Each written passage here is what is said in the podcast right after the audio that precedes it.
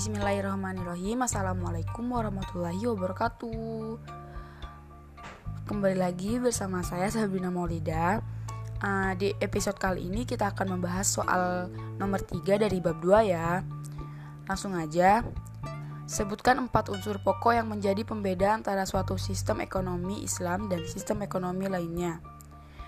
Nah, jadi ada empat pokok yang menjadi pembeda antara suatu sistem ekonomi Islam dan sistem ekonomi lainnya, yaitu yang pertama, kepemilikan dalam Islam. Dalam pandangan Islam, pemilik mutlak dari seluruh alam semesta adalah Allah Subhanahu wa Ta'ala, sementara manusia hanya mengemban amanahnya.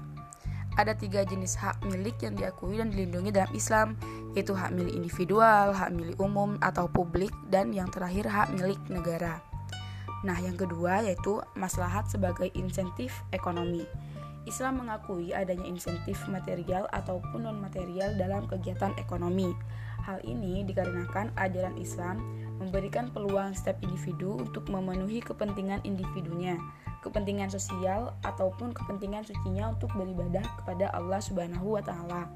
Intensif dalam ekonomi Islam bisa dikategorikan menjadi dua jenis yaitu intensif yang akan diterima di dunia dan insentif yang akan diterima di akhirat. Yang ketiga yaitu musyawarah sebagai prinsip pengambilan keputusan. Secara umum, pengambilan keputusan bisa dibedakan antara dua kutub, sentralisasi dan desentralisasi. Secara umum, pengambilan keputusan dalam ekonomi Islam didasarkan atau prinsip desentralisasi dengan didasarkan pada nilai dan prinsip Islam. Oleh karena itu, proses musyawarah untuk mendapatkan kesepakatan atas dasar kemaslahatan merupakan prinsip pengambilan keputusan yang sesuai dengan ajaran Islam. Karena musyawarah merupakan kombinasi antara proses desentralisasi dan sentralisasi yang dikendalikan nilai-nilai maslahatnya.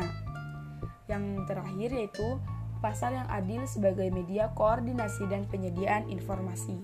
Dalam pandangan Islam, insentif individualistik diakomodasi sebatas tidak bertentangan dengan kepentingan sosial dan kepentingan ibadah. Oleh karena itu, pasar bebas tidak cukup untuk memenuhi ketiga insentif tersebut, yaitu insentif individu, sosial, dan kesucian. Dan kebebasan individu yang harmoni dengan kebutuhan sosial serta mayoritas Islam akan terwujud dalam suatu mekanisme pasar yang mengedepankan aspek moralitas dan kerjasama. Segitu aja episode kali ini. Terima kasih. Wassalamualaikum warahmatullahi wabarakatuh.